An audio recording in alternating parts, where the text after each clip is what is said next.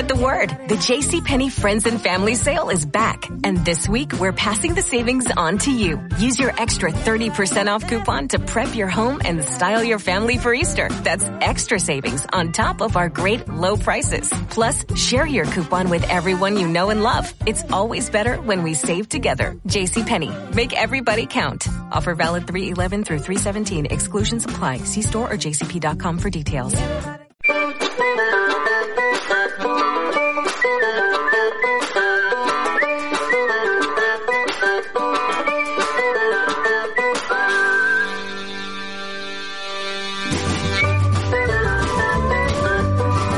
Benvinguts i benvingudes a un nou episodi del Podfoto.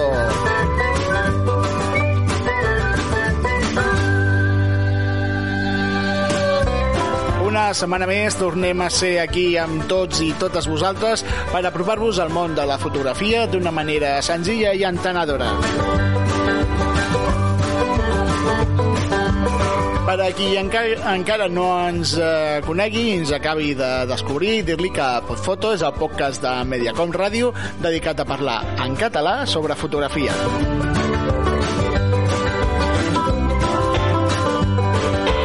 I com més habitual, primer de tot em presento. Soc en David Rius, realitzador del podcast i fotògraf especialitzat en fotografia de concerts i espectacles. Abans de començar amb aquesta nova edició de Pofoto, volem demanar-vos disculpes perquè aquest episodi que avui escoltareu s'hauria d'haver publicat la setmana passada i també perquè aquest episodi s'ha doncs, publicat més tard del que normalment és habitual. Per motius personals i d'organització no el vam poder tenir llest a temps i per això doncs, eh, us l'oferim aquesta setmana.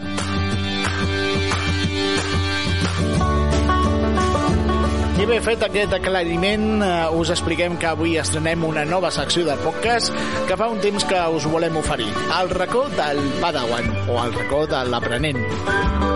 Com podeu comprovar, el nom que hem triat per aquesta nova secció fa referència a la figura d'aprenent de Jedi, o sigui, de Padawan, de la conegudíssima saga de cinema de ciència-ficció Star Wars.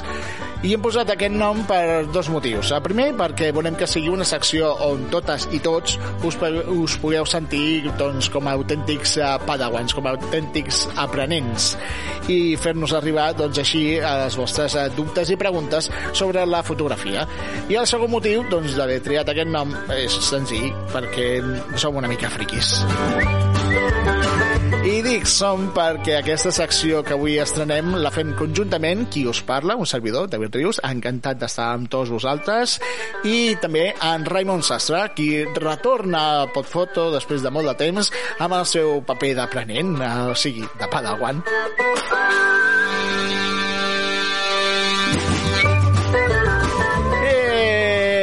Abans de donar pas a la nova secció, us tornem a donar les gràcies a tots i totes els que ens seguiu i escolteu cada setmana rere setmana moltes, moltes gràcies. Ens alegra comprovar que cada setmana sou més els que escolteu aquest podcast des de diferents llocs del món. I per aquest motiu insistim en la crida que des de fa unes setmanes us venim fent.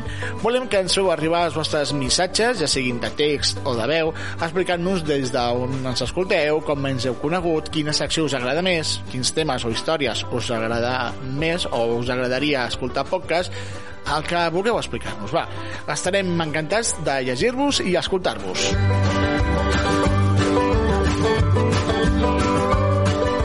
També sabeu, i si no us ho recordem, que us podeu comunicar amb nosaltres mitjançant el nostre correu electrònic, que és mediacomradio arroba gmail.com mediacomradio arroba gmail.com També per missatge directe, ja sigui de text o d'àudio, com hem comentat, al nostre compte d'Instagram, que és podfoto barra baixa mediacomradio. Podfoto barra baixa mediacomradio. I també amb un missatge privat al nostre compte de Twitter, mediacomradio. I ja, per últim, recordar-vos doncs, que el Podfoto es pot escoltar i descarregar a les plataformes on són presents. iVox, Spotify, Apple Podcast i Podimo. I bé, fetes eh, aquestes, eh, aquesta crida a la participació i de recordatoris a les nostres xarxes socials, ara sí, comencem.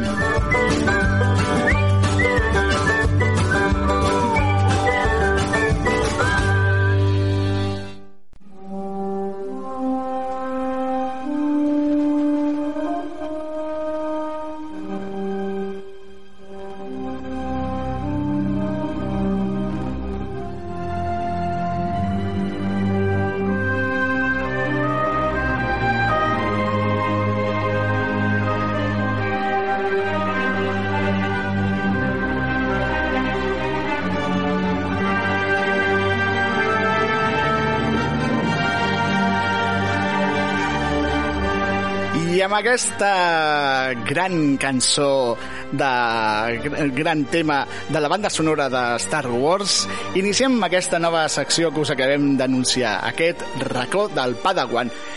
Per qui no sapigueu qui és un Padawan, és un aprenent de Jedi. I ho fem primer de tot donant-li la benvinguda en el seu retorn al Podfoto al nostre Padawan favorit, que és en Raimon Sastre. Raimon, ben tornat. Què tal, com estàs? Doncs molt, molt content de, de tenir-te que tornis al postfoto, de tenir-te un altre cop aquí amb aquesta amb aquesta um, secció una mica friki. A veure... Uh, Perdona, per, per començar al principi, la sintonia és una autèntica meravella. Sí, sí. Si et sembla, per... si et sembla escoltem-la una mica més, va. Mira, mira, mira, mira. John Williams és, és, és un mag de la música. Una, un senyor que li haurien de donar els Nobels de la música el dia que els facin. Sigui, exacte, exacte, sí, sí. Bon Sí, sí, sí,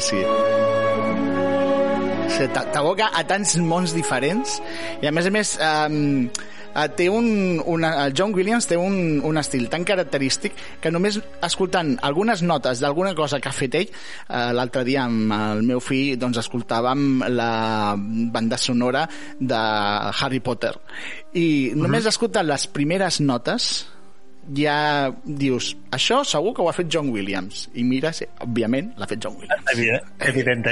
Té aquest estil personal tan, tan, tan guai tan un mini apunt, Digues. perquè us agrada sintonies, etc. Eh, em vaig una mica de, de mare, eh? eh? Hi ha un youtuber que durant molt temps ha anat penjant vídeos relacionats amb bandes sonores que es diu Jaime Altozano. Jo us el mhm. recomano molt com a anàlisi de bandes sonores de pel·lícules. En té un parell o tres de vídeos dedicats a Star Wars, otro sí? tanto a Potter, etc. Eh, és meravellós perquè veus com fins i tot, a vegades, amb la banda sonora se t'avancen coses a la pel·lícula que tu no veus, evidentment per les persones que no són friquis, com sí, sí, sí. jo de Wars, que no et diria que en sabem l'argument sencer abans d'estrenar-se la pel·lícula, però poc falta. Gairebé. Però sí, sí. Gairebé. A més, perdona, la gent no ho veu perquè això és un podcast, però estic anant amb una samarreta eh, com toca la secció. Bé, no, no, no ho veuen perquè no hem gravat vídeo en aquesta ocasió, no gravem el vídeo. Ja, ja ho farem. Però el proper dia sí, eh, també a part d'àudio també gravarem vídeo i després doncs a, a, les, a, a les històries, a les stories d'Instagram de Podfoto barra baixa Mediacom Ràdio, doncs eh, publicarem. Publicarem un, eh, uns segons perquè veieu les samarretes eh, de Star Wars que em porta normalment el Raimon. Aquest padawan favorit de del, del postfoto, ja sabeu eh, fa temps que volem fer aquesta secció i al final, doncs, la setmana passada no la vam poder no la vam poder fer per motius personals. Tots dos tenim moltes feines tenim moltes coses a fer i a vegades doncs posar-nos l'agenda, l'agenda. La, l'agenda no ens va deixar, ja està. Quadrar les nostres agendes va ser difícil la setmana passada i al final doncs, per sí, aquests motius no vam poder. Però aquesta setmana ja contem amb tu i estic molt content Vinga, va. que puguem, de... que puguem resoldre dubtes de, dels, nostres, dels nostres seguidors. Eh, que per això està pensat aquesta secció, com hem explicat abans, doncs perquè ens envieu, ja sigui amb text o amb nota d'àudio, al nostre correu electrònic, que ja sabeu que és mediacomradio.gmail.com mediacomradio.gmail.com o també amb un missatge privat al nostre compte d'Instagram, podfoto barra baixa mediacomradio, o també un missatge privat al, al nostre compte de Twitter, que és mediacomradio, doncs ens envieu doncs, les vostres dubtes, preguntes, coses que tingueu que no sé fer això amb la càmera, doncs ens ho envieu, nosaltres ens preparem les respostes i us donem resposta a aquestes eh, dubtes i preguntes que en tingueu. I... Serveix preguntar, no sense engegar la càmera o ja és massa bàsic això? No, no, està bé. A vegades a, a els professionals també ens passen aquestes tipus d'errades eh, tontes i què dius, però, però, a veure, si li no li dono el botó, eh, com vols que s'engegui? I això en el món de l'àudio també ens ha passat moltíssim. Els tècnics de so també ens ha passat moltíssim de dir, clar, si no pujo el canal, si no li, li trec aquí el... si no activo el canal, no, no, no funciona, clar, normal, normal, però a vegades mm, dones per suposat coses i llavors és quan, quan tens aquestes errades eh, tontes. Vinga, uh, ja, eh, digues. Molt, molt, molt breu, uh, aprofitaré la secció sí. i que faig una mica, si em permets, una mica el que em dóna la gana. Sí, ja que... va, t'ho permeto, va, t'ho permeto, va, perquè ets el padawan I... favorit, eh? Ets el nostre va. Anakin Skywalker. Quin, quin, futur que m'augures. Bueno, sí, després, que... després et passaràs al costat fos, ja ho sé, eh? Sí, però bé. Bueno, sí. No passa res, no passa res. Um, no, simplement perquè eh, aquest, aquesta secció d'aquest mes no, però de cara al mes que ve i properes, eh, potser et faig preguntes sobre configuracions de càmera, etc perquè crec que és un dels grans dubtes que tenim molt els, els iniciats, els padawans de la fotografia, que encara ens falta moltíssim per aprendre, però mm -hmm. molt, molt, és molt. Sí, sí, sí. I crec que uh, el tema, almenys a mi, és una de les coses que em posa més nerviós, eh? Perquè a l'hora de fer una fotografia, més o menys, doncs mira, et pots equivocar amb exposicions, amb etc amb obertures, bla, bla, bla, sí. velocitats, pots anar corregint i pots anar aprenent, però, ostres, el tema de el tema de configuració de càmera n'hem de parlar un dia, eh? Sincerament t'ho dic, perquè, ostres... És una sí, cosa sí, és un, és, és, és un tema que tots... Que... Digues, digues, perdó que hi ha conceptes que no entenc. O sigui, així de clar t'ho dic. No, no, i, i, és, i, és una, i és una cosa que tots ens, uh, tots els que ens hem començat a fotografiar ens, ens, ens ha passat de, de dir eh, no entenc mm, aquesta funció, per què serveix, com configuro la càmera, com la deixo perquè mm, faci les fotos amb, amb, com a mi m'agrada, no? Perquè, clar, arriba un punt en què la fotografia digital és um, tan, tan personalitzable que pots personalitzar tot tipus de funcions i, i clar, arriba un punt que en, en, en el que perds. I llavors eh, la meva primera recomanació i insist, insisteixo molt en això que és eh, llibre d'instruccions. Aquest meravellós desconegut, eh, que sempre ho hem parlat, de que el, el fa, a, fabulós, a fabulós desconegut és el llibre d'instruccions, doncs jo, amb els llibres d'instruccions, he descobert eh, doncs, moltes eh, funcions i moltes maneres de... Ah, mira, doncs això del, eh, del bracketing, que és l'orquillado d'exposició, ah, doncs és xulo, clar, això tu poses eh, i després et fa tres fotos a la vegada, una més baixa, una correcta i una més alta, i llavors te les combina i fa un HDR. Ah, i això t'ho fa sol la càmera, no? després no has de posar-te a fer edició i no sé què bueno, sí, has d'agafar les tres imatges i, i, i ficar-les, però Photoshop t'ho fa de manera automàtica, o sigui que realment eh, hi ha una funció a Photoshop que és Photomerge HDR, DR i t'ho fa automàticament amb les tres exposicions i és fantàstic. I com això moltes altres coses que vas descobrir amb el famós eh, llibre d'instruccions aquest gran desconegut i oblidat. Encara el guardo, eh? ho sàpigues. Bé, de totes maneres si encara el tinc. I el tinc guardat, eh, concretament a la mateixa motxilla on tinc guardada la, on tinc guardada la càmera. Però bé, bé, no, no, no, no. És, un, eh, és un gran què que... De totes maneres, si l'haguessis perdut, la majoria de marques a les seves pàgines web pots trobar tots els llibres d'instruccions de totes les càmeres. És més, ara últimament ja no ve amb la càmera el llibre d'instruccions, ve la típica guia d'inici ràpid i després, si vols el llibre sencer, vas a la pàgina web i te'l descarregues en, en PDF sense problema i de manera lliure i gratuïta, clar. Doncs, Vinga, eh, si et sembla, va, comencem, comencem fetes les salutacions i aquesta introducció tan bonica que fem sempre i aquests rotllos que fem. Anem al tema, va. Ja sabeu que, mm, que una de les premisses fundacionals d'aquest podcast, com sempre recordem doncs, a l'inici de cada episodi, és això, apropar-vos al món de la fotografia d'una manera senzilla i entenedora. I aquesta és, doncs, eh, la raó per la que en Raimon i un servidor, qui us parla, fa un temps doncs això, que vam pensar crear aquest racó del Padawan, no? que és aquest espai on totes i tots trobareu resposta als vostres dubtes fotogràfics. I amb aquest esperit de servei públic, això, no fet, això no s'ha dit mai a la ràdio, eh? ni a la ràdio ni a poques, eh, esperit, oh, de, ser, esperit de servei públic, eh? és una gran paraula. Bé, va, encetem sí. amb, aquest, amb aquest esperit de servei públic, encetem la, aquest nou espai. Va, vinga, comencem. A veure, la primera pregunta que tenim ens l'ha fet arribar mitjançant una nota de veu la nostra, la nostra seguidora eh, l'ha enviat al nostre compte d'Instagram potfoto barra baixa Mediacom Ràdio i ens l'envia la nostra seguidora Anna des de Mataró va, vinga, l'escoltem Hola, sóc l'Anna de Mataró i m'encanta el vostre podcast la meva pregunta és Quan feu servir el botó d'exposició si jo busco l'equilibri de llum amb la ISO, velocitat d'obturador i diafragma? Moltes gràcies! Doncs aquesta és la pregunta, moltes gràcies Anna de Mataró per fer-nos arribar a la teva pregunta, i aquesta és la pregunta que ens fa l'Anna. Quan fer servir el botó d'exposició? Doncs, a veure, primer de tot, aclarir que aquest botó d'exposició al que es refereix l'Anna és aquell botó o rodeta, segons la càmera doncs, que tinguem, que està situat a la part superior de la càmera, normalment és la part superior dreta, que és on amb la mà que agafem i on tenim eh, el disparador, doncs que um, ens serveix per fer la, uh, servir aquesta funció de, de compensació d'exposició per activar-la o fer-la servir. Uh, ara expliquem. Si el control és amb, amb un botó, aquest veureu que està identificat amb un diagrama que mostra un més barra menys.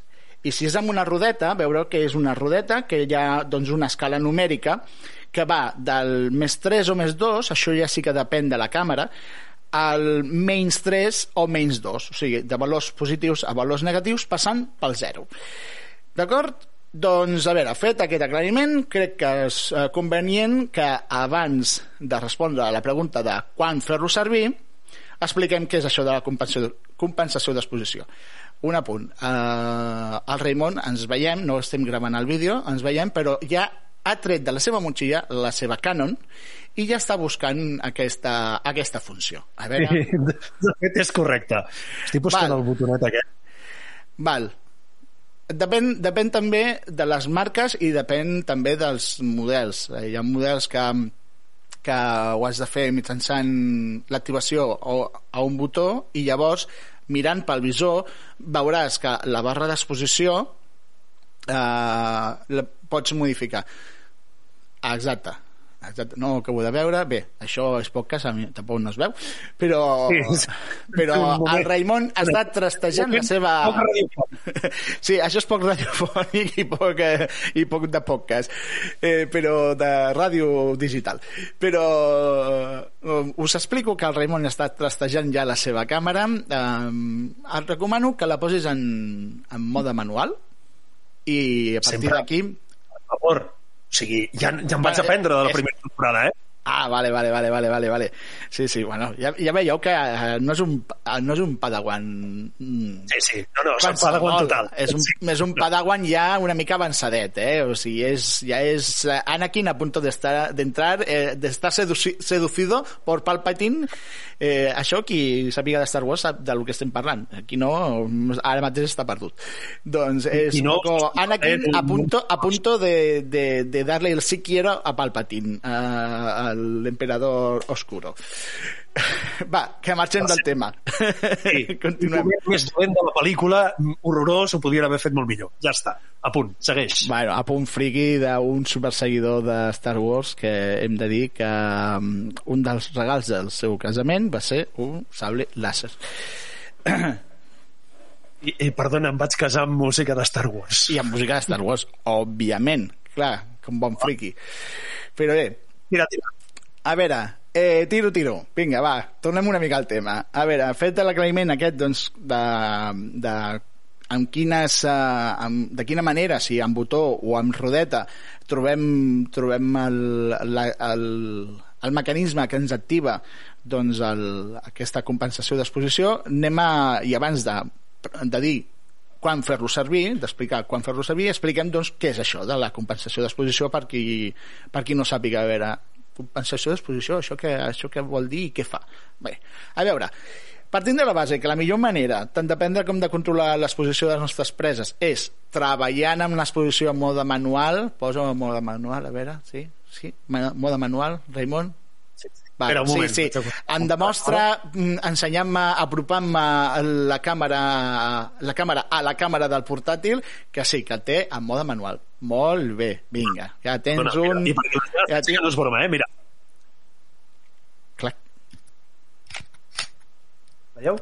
Està movent el dial de modes i l'ha posat en manual. Clac. Sí. Molt bé. Doncs eh, posant això, eh, treballant en un mode d'exposició manual, eh, tal com també l'Anna ens deia en el seu, en el seu àudio, que, doncs que mm, ella fa, fa el control de l'exposició doncs, amb el famosíssim triangle d'exposició, no? que és el triangle de diafragma, velocitat d'obturació, sensibilitat ISO, doncs eh, també hem de tenir en compte eh, que les nostres màquines disposen de modes automàtics i semiautomàtics que ens poden facilitar la feina en, en certes situacions. I per això està pensada la funció de compensació de l'exposició, per ajudar-nos en diferents situacions.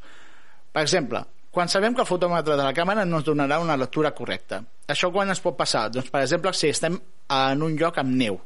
Uh, el cel és molt blanc i hi ha molta llum, la neu rebota molta llum, i llavors la lectura que ens, da, el que ens dona el fotòmetre, o també dit expositòmetre, exposímetre, perdó, uh, de la càmera no és correcta. Doncs, per compensar aquesta, aquesta lectura incorrecta del fotòmetre de la càmera podem utilitzar la compensació de l'exposició també per modificar-ne l'exposició correcta que ens dona, que ens dona el fotòmetre per tal doncs, d'aconseguir la quantitat de llum que volem per la nostra presa o per exemple també per obtenir un efecte concret podem també utilitzar la compensació en qualsevol dels casos el resultat és que la imatge final serà més clara o més fosca segons el valor d'ajust que li fem Sí? D'acord? Sí, sí. No, sí, sí. Anem a veure com es fa servir i quan és convenient fer-ho, si us sembla. Per fer servir la compensació, doncs haurem de, prendre, de premer el botó i moure la roda de la càmera assignada o moure la rodeta amb els valors d'exposició impresos, segons quin sistema tingui la nostra càmera. Uh, jo crec que tu ara mateix, Raimon, uh, has apretat el botó uh, que el teu model està assignat a poder modificar el, la, la barra, la fletxa aquesta per sobre de la barra d'exposició i llavors movent amb, el, amb la rodeta o el dial aquest que té, que té la càmera doncs pots modificar la, la fletxa, o sigui, pots modificar l'exposició. Haver-li deixat sí, uns valors, uns valors, uns valors eh, fixos de, de diafragma i, i, i velocitat Llavors, el que la càmera llavors fa eh, normalment en, en, en manual és que modifica el valor de la ISO normalment normalment. Sempre dins de, òbviament, els seus marges de valors eh, dins dels marges de valors. Per exemple, si tenim una càmera que el valor mínim d'ISO és 100, doncs eh, podràs eh, representa que subexposar fins que la ISO eh, et doni 100. A partir d'aquí ja representa que ja la càmera no podrà no podrà subexposar menys. I en canvi quan és al revés doncs eh, també si tenim una ISO màxima per exemple en càmeres senzilles doncs 1600 o 3200 encara que intentem pujar eh, a valors de més 1 o més 2 o més 3 depenent de, de les càmeres eh, la fletxeta en la barra d'exposició o sigui l'exposició millor doncs, si arriba al, al tope de la ISO mm, la càmera doncs ja no podrem, no podrem anar més enllà Òbviament sempre tenim doncs, eh, aquests, aquests topalls que són els topalls de, de, del sistema. D'acord, doncs eh, premem el botó, movem la roda de la càmera assignada doncs, per moure el, la barreta, la fletxeta per sobre de la, de la barra d'exposició o movem doncs, aquesta rodeta que està específica per, eh, pels valors d'exposició impresos, aquesta rodeta que va amb aquests números que hem, que hem dit abans, i, i llavors veiem que al moure la roda ja sigui, ho veiem a través d'alguna de, de les pantalles ha, hi ha models de càmeres doncs, que tenen aquesta pantalleta de control a dalt o si no per la pantalla de visualització o també a través del visor òbviament. Eh, això ho comento perquè en les reflex es veu d'una manera o es mostra d'una manera que, com fem aquesta variació com variem eh, com es desplaça la fletxa per, per sobre de la barra de, d'exposició o amb la sense mirall es veu d'una altra manera. També es pot veure per, pel visor eh, perquè són visors electrònics i també es veu per pantalla. Si tens eh, pantalles de control com són les, les a les reflex més, més avançades que també tenen una pantalla de control també veus com es desplaça aquesta fletxa per sobre del que es coneix això, la barra d'exposició, que és una franja numerada doncs, que va igual, del més menys 2 o menys menys 5, això depèn ja de la marca i model, passant pel 0. D'acord? Doncs eh, si aquest sistema de la barra d'exposició és el mateix que utilitza la càmera per marcar-nos l'exposició correcta, vale? o sigui, és el mateix, eh, utilitzar la mateixa barra i ens marca doncs això la fletxa està al 0, exposició correcta. La fletxa està en valors positius, sobreexposició. O sigui, la fletxa està en valors negatius, estem subexposant la, la imatge. Doncs bé, quan prenem el botó i accionem la roda, fem que la fletxa doncs, es desplaci per aquesta barra. Llavors, el que fem és que li estem dient a la càmera què volem, sense modificar els altres paràmetres que hem establert, diafragma i velocitat d'obturació, volem doncs això, sobreexposar o subexposar l'escena que volem captar. O sigui, tenir més o menys llum. Això així de clar. Sí? Correctíssim. Oi de cocina? Doncs vinga. Oi de cocina. Continuem. Una I punt, arribats... una punt. Digues, digues. Abans, um, aquest més 5 menys 5 que estaves comentant que tenen algunes càmeres, jo per exemple la meva és suposo que deu ser el tradicional, que és més 3 menys 3. Sí. Hi ha molta diferència que et donin un més 3 o un més 5, és, et permet més llum, menys llum, o realment la diferència no existeix? Eh, sí, eh, representa que si tu tens un model que arriba fins a més menys 3 no? Sí. I, i, i compres un model superior i veus que és més 5, menys 5 vol dir que tens aquest marge de més de, de, de poder subexposar i sobreexposar amb la qual a, això ara ara ho comentem, que és que òbviament tens una barra més extensa i podràs arribar una mica més lluny. Però el bo que té la compensació d'exposició és una cosa que ara anem a comentar. Vale? Que, Vinga, va. Perquè arribats a aquest punt, algú com l'Anna de Mataró es deu preguntar, a veure, llavors quina diferència hi ha respecte al mode manual? Perquè jo ja mm, fent, eh, modificant els valors d'aquest famós triangle de l'exposició, doncs ja puc arribar una mica aquí, no? Doncs dic que hi han dos de fonamentals. A veure, la, el, el, la primera la primera diferència és que la compensació de l'exposició sol estar limitada. Normalment doncs, entre un màxim de més 5 i menys 5 això ja en models superiors, però si no és més 3, menys, menys 3 o, o podia ser una mica inferior en alguns models més, més senzills. Mentre que amb l'exposició manual podem sobre o subexposar fins als límits que ens permetin els valors màxims de diafragma, velocitat i sensibilitat que ens permet la càmera. Això què pot fer? Doncs que sobre o subexposem l'escena en excés, fent que aquesta no sigui doncs, recuperable, o sigui que ens passem de frenada directament. Llavors aquesta presa s'ha de descartar perquè ens hem passat o està massa fosca i no pots encara que amb, amb programes d'edició no podries recuperar recuperar informació perquè no hi hauria absència de llum o està massa té massa llum, o sigui, està massa que es coneix com cremada i no pots, eh, encara que intentes recuperar-la amb, les, amb els programes d'edició eh, que es fan servir habitualment, doncs tampoc pots recuperar perquè ja la imatge està cremada i sobretot en les zones de llum eh, les zones eh, luminoses de la, de la imatge veuràs sempre que està cremada.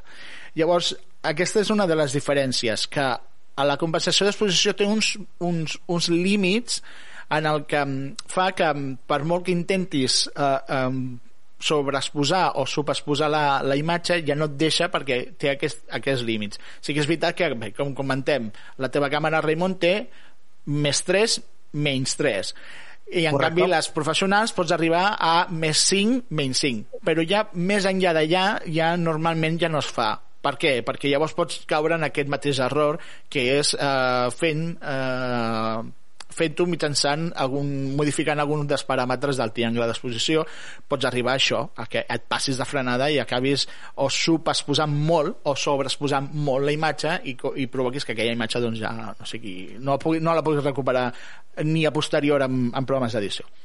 I la segona diferència doncs, eh, en això, en, en utilitzar la compensació d'exposició o fer modificant algun dels valors del triangle d'exposició és que si usem la compensació la càmera mantindrà el control automàtic dels paràmetres que li hem deixat controlar. Depenent de quin mode semiautomàtic o manual disparem. I llavors eh, nosaltres eh, nosaltres triarem que l'exposició doncs, sigui major o menor fent que la càmera s'encarregui d'ajustar el triangle d'exposició o sigui, algun dels valors, diafragma, velocitat o sensibilitat. Normalment és aquest, aquest últim, la sensibilitat, sobretot si treballes en manual. I, i llavors ho modificarà segons els nostres desitjos. O sigui, nosaltres estem modificant, movent la fletxa per la barra d'exposició cap al menys o cap al més i veiem que um, sense, per exemple, treballant en manual sense modificar ni diafragma ni velocitat la càmera es, ens està variant el valor de la ISO amb la qual eh, no, està fent el que nosaltres volem que faci que és no vull més llum o vull menys llum i no vull que em toquis els altres, els altres paràmetres han quedat clares les diferències, Raimon? Sí? Jo crec que sí. Sí? Si no, com això és un podcast, tornaria enrere i m'escoltaré els sí, fragments. Allò, que... rebobinem una mica i, i torneu enrere i ja, i ja està. Càsting, ho podem fer. Exacte. Doncs ara anem a explicar quan fer-la servir, no? quan fer servir la compensació. A veure, la podem fer servir quan en escenes complexes de llum el fotòmetre de la nostra càmera no ens doni una lectura correcta de l'exposició. Llavors, utilitzant la compensació, doncs podem ajustar, podem ajustar-la al valor correcte. Com dèiem, estàs a, a un lloc amb neu i llavors, òbviament, el fotòmetre de la càmera, com utilitzar un sistema que fa com una compensació entre la llum i el contrast, eh, buscant el que es coneix com el, el gris mig, doncs eh, haver-hi tanta reflexió de llum per la neu i el cel i tot això no et dona un valor correcte. Llavors doncs dius, vale, no, ja sé que no m'estàs donant un valor correcte, si jo disparo amb el, el, quan em, tu em dius ok, està la fletxa zero dispara, que estàs a l'exposició correcta i dispares, veuràs que la imatge no queda bé. No, normalment queda cremada perquè hi ha molta llum. Llavors l'has de compensar, l'has de, de fer compensació. I amb la compensació d'exposició eh, ho podem fer. Sense, com diem sempre, sense haver de modificar eh, els, altres, els altres paràmetres que volem. Per exemple, doncs, eh, per exemple el, el paràmetre del diafragma, no? És que no vull tancar diafragma perquè vull fer eh, un, un retrat a una persona, vull que el fons quedi desenfocat, però clar, estic en un ambient molt lluminós, a ple dia, amb dia serè, a, enmig de la neu, i tinc una quantitat de llum espectacular, òbviament no tinc filtres d'aquests eh, neutres ND per reduir la llum i vull treballar amb un diafragma molt obert doncs per això, per tenir molt, molt poca profunditat de camp i que em surti doncs, al fons de la persona desenfocat i només la persona enfocada. Llavors doncs, utilitzant la compensació d'exposició pots, pots, fer, pots fer això. Pots eh, aconseguir aquesta, aquesta imatge. És un exemple. Una altra de les situacions en la que podem utilitzar la compensació és quan nosaltres decidim que volem variar l'exposició per adaptar-nos a un tipus d'escena o aconseguir un efecte concret. El que dèiem, doncs, millor tens una escena en el que tens clars i obscurs, òbviament no tan, no tan podem dir bèstia com quan fem fotos a la neu eh, en un lloc amb neu que llavors tens molta quantitat de llum perquè la neu òbviament reflexa la llum i, tens molta, i a la càmera llavors li arriba molta quantitat de llum. A millor tens una escena on tens una llum molt forta al final per exemple un túnel i tens la, llum, la llum del final del túnel això que diuen molts que veiem ara de la pandèmia, que ja veiem la llum del final del túnel. doncs, Clàssic. aquesta llum del final del túnel serà una llum molt forta. En canvi, a dins del túnel hi haurà una gradia, gradació, gradació, gradació perdó, de, de la llum. O sigui, què vol dir? amb més a prop de la sortida hi haurà més llum i més a prop d'on estem nosaltres òbviament estarà més fosc llavors tens un contrast d'ombres i llum bastant, bastant pronunciat i llavors pots, amb la compensació d'exposició, pots triar eh, en quins dels dos punts eh, et quedes. Si et quedes més amb, amb la llum, si es poses més per les llums i, i, i no tant per les ombres i prefereixes que les ombres quedin més fosques o al revés. Doncs per ajustar, adaptar-nos al tipus d'escena, la compensació d'exposicions pot anar molt bé. O, per exemple, també, doncs, òbviament, es pot jugar amb ella per fer doncs, algun tipus d'efecte que vulguem fer eh, dins de, les nostra, de la nostra creativitat fotogràfica. No? Podem dir-ho així. A veure, a part d'aquestes dues situacions que hem dit, també podem fer-la fer, servir, la compensació, com ajuda per aconseguir preses en la que es coneix com clau baixa on predominen les ombres i els tons foscos, o en clau alta, clau alta, on predominen les llums i els tons clars. Eh, no sé si coneixes això de clau baixa i clau alta, Raimon? Diu que no. Diu que Desconec no del tot ni de broma. O sigui... No sé si algun cop has vist aquelles eh, imatges que normalment són imatges d'aquestes doncs, per decorar les cases, aquelles fotografies que normalment es venen doncs, per això, per marcar i tenir-les de fons, on es veu eh, el típic pont de fusta a un llac i tot és molt blanc tant el cel com el llac tot és molt, molt, molt blanc té un, té un to molt lluminós doncs això seria la típica fotografia en clau en clau alta eh? són aquestes fotografies on predominen doncs, les llums i els tons clars Vale. I la clau baixa és tot el contrari. Aquelles fotografies que normalment, per exemple, es fa, es, a la clau baixa s'utilitza molt en blanc i negre o en color però en, en retrat, quan es fa retrat, bàsicament, eh, per donar aquesta, aquesta, aquest contrast entre, entre llums i ombres, però sempre amb un to molt, molt fosc. O, per exemple, en reportatge social també se sol fer doncs, per donar aquest dramatisme a les, a les imatges a les imatges d'aquest estil fotogràfic del, del reportatge social o de denúncia social més o menys eh? ja un dia parlarem sobre clau baixa i clau alta i com aconseguir fotografies de clau baixa i clau alta d'acord? és com si ara em posés a parlar de jo què sé, de, què? de què és Ashla dintre del món de Star Wars? Algú ho sap? Ashla. Què és Ashla? Ah, clar, clar, no? Escolta, hi, ha, hi, ha molt, hi, ha, hi ha molts llibres de Star Wars a, a les biblioteques públiques de Catalunya que parlen sobre tot l'univers de Star Wars i t'ensenyen tots els mons i t'expliquen tots els personatges d'on venen i on van i, i, i, moltes, i molta informació que òbviament no surt a les pel·lícules i que és interessant saber per veure doncs, eh, tot aquest univers que va crear aquest senyor en el cap, el senyor George Lucas en el seu cap, realment. Però ja ens n'anirem una altra vegada de mare, eh? però ja no està en el que va crear ell, sinó ell va fer, va, fer un, va crear un món concret. Sí, sí, I després sí. ha permès que la gent comencés a crear i crear i, i tirar per davant i tirar per darrere i què va passar 400 anys abans de i què va passar anys després de i això és el que mola i veure altres món, altra raça, però és espectacular, home, si és un món sense fi, allò. Sense fi. El Raimon és padawan de fotografia i jo sóc padawan de, de, de Star Wars. o sigui, jo i aprenc, aprenc, aprenc món a Star Wars. o sigui, aprenc aquest, aquest friquisme de Star Wars una mica, també. Bé, no? Perdona, Eh, fem, un po fem dos podcasts en un. Estem fent dos podcasts en un. Què més vol? No, però mira, eh? ostres, fer un podcast de Star Wars... Mira, ostres, un podcast de Star Wars en català, tu em vendria molt de gust. Sí, sí, Mira, sí, no ho descarto. Sí. Va, vinga, me l'apunto, me l'apunto. Bueno, com, no com, no, com, com en sobren les hores, eh? Sí, sí, sí. sí. No sé quan ho faria, però és igual. Bueno, és una idea que tenim i algun dia, algun dia, ja, millor, millor la, farem, la farem realitat. Va, uh, continuem amb el tema. Estàvem...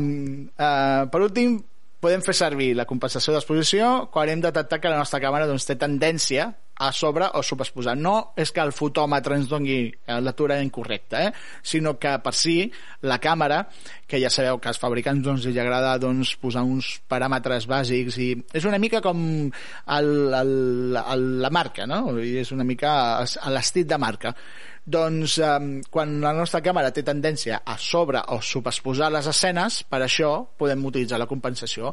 Ens serà molt útil perquè podrem deixar fixat un valor d'exposició eh, que nosaltres creiem correcte o el que menys ens agrada personalment, amb, amb el que nosaltres doncs, podrem marcar també el nostre estil personal d'aquesta manera. I jo crec, Raimon, que amb aquesta extensa explicació que hem fet, um, amb això de la compensació mm. d'exposició i de quan fer-la servir li hem donat resposta a la pregunta que ens feia la nostra, la nostra seguidora, l'Anna de Mataró i ens hem quedat sense temps, Raimon uh, ens, ens hem menjat el temps tenim una altra pregunta, no. crec, Raimon és, és així? Sí? Sí, exacte. Tenim una altra pregunta que ens haurem d'esperar a la propera secció del racó del Padawan per respondre-la. Uh, rem, molt breu, si vols te la llegeixo i la responem ja al proper sí, programa, sí, que sisplau, recordarem. Sí. Bàsicament és una, sí, digues. una pregunta de la Xesca de Manresa, que l'ha enviat al correu electrònic mediacomradio.gmail.com i res, bàsicament, hola, em dic Xesca, eh, soc de Manresa, primer de tot dir-vos que m'agrada molt el vostre podcast. Això és el David que està fent aquí. Moltes gràcies. Podcast. Moltes gràcies, Xesca. És el monstre de la fotografia catalana. Eh, em sembla molt interessant que hi hagi un podcast sobre fotografia en la nostra llengua. Veus? Si és que em dóna la raó. Si és que... Bé, no és igual. Enhorabona per la iniciativa. Gràcies. Felicitats, gràcies, David. gràcies. I us explico. I aquí anem a... Uh, uh, uh, momento pregunta. Soc mare d'un adolescent de 15 anys, aquí hauríem de posar un... Uh, uh, uh, Ui, que ui, fa ui. un temps que es ve demanant que li comprem una càmera de fotos pel seu viatge de fi de curs. I aquí ve la pregunta. A veure, Quina càmera econòmica petita i tot terreny, que jo no sé si això existeix, en recomaneu per un adolescent? Moltes gràcies i bona feina, Xesca. Espera, que apunto. Càmera Eh? econòmica, petita... Econòmica, petita i tot terreny per un adolescent. És a dir, una càmera que ha d'aguantar el que ha d'aguantar. O sigui, cops, sí, caigudes... sí, sí, perquè, perquè ja sabem que els adolescents eh, són molt inquiets i els agrada fotografiar-ho tot en situacions i llocs ben diversos i a vegades compromesos, també. On hi ha Però- pols, mm, terra, aigua i tot tipus d'ele- d'elements.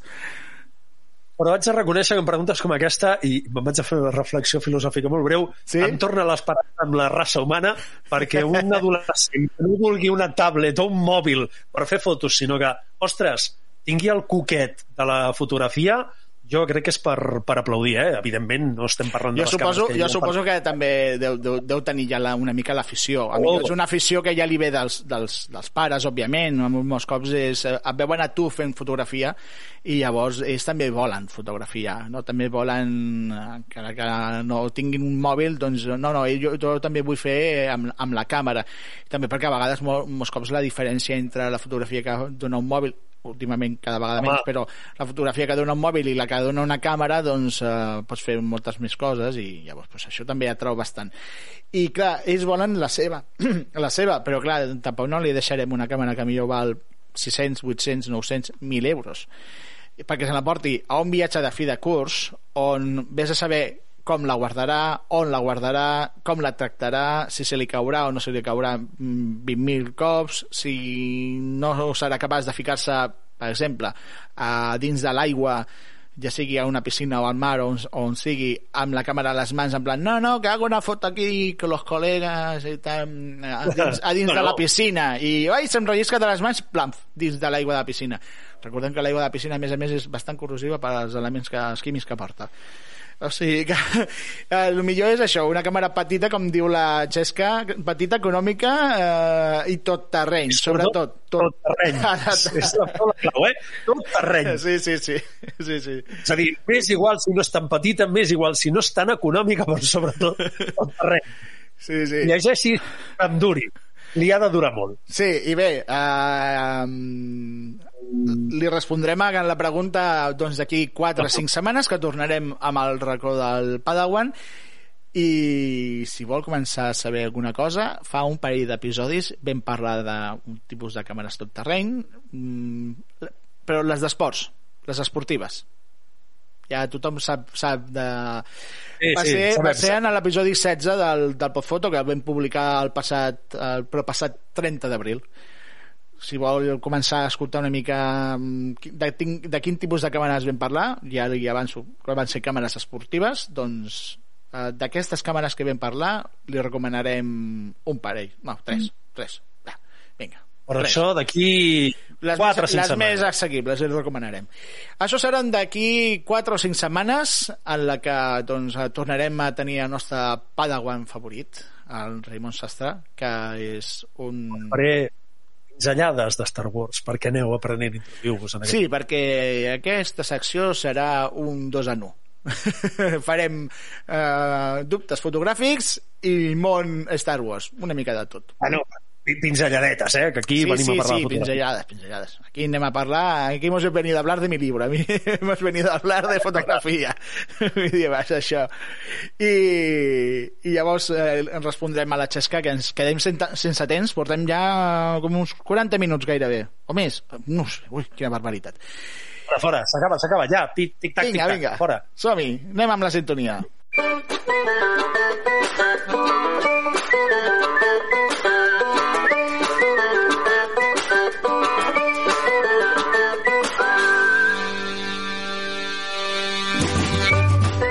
bé, Raimon, ja hem arribat al final d'aquest racó del Padawan. Espero que hagis pres bona nota eh, del que m'ha explicat i, i això, doncs, ens retrobem d'aquí 4 o 5 setmanes. Et sembla bé?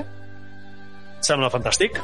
Doncs molt bé, acomiadem el nostre Padawan favorit, el Raimon. Adeu, Raimon. Adeu, David.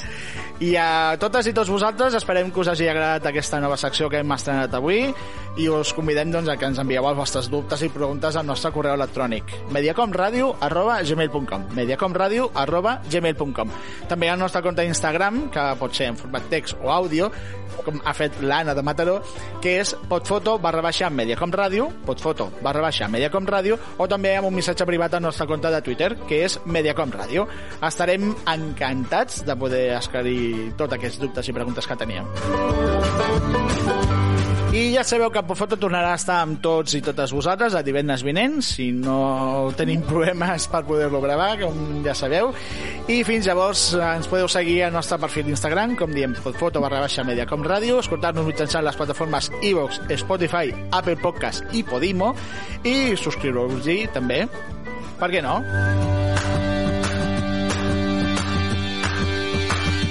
Vinga, que tingueu un molt bon cap de setmana. Adeu, adeu!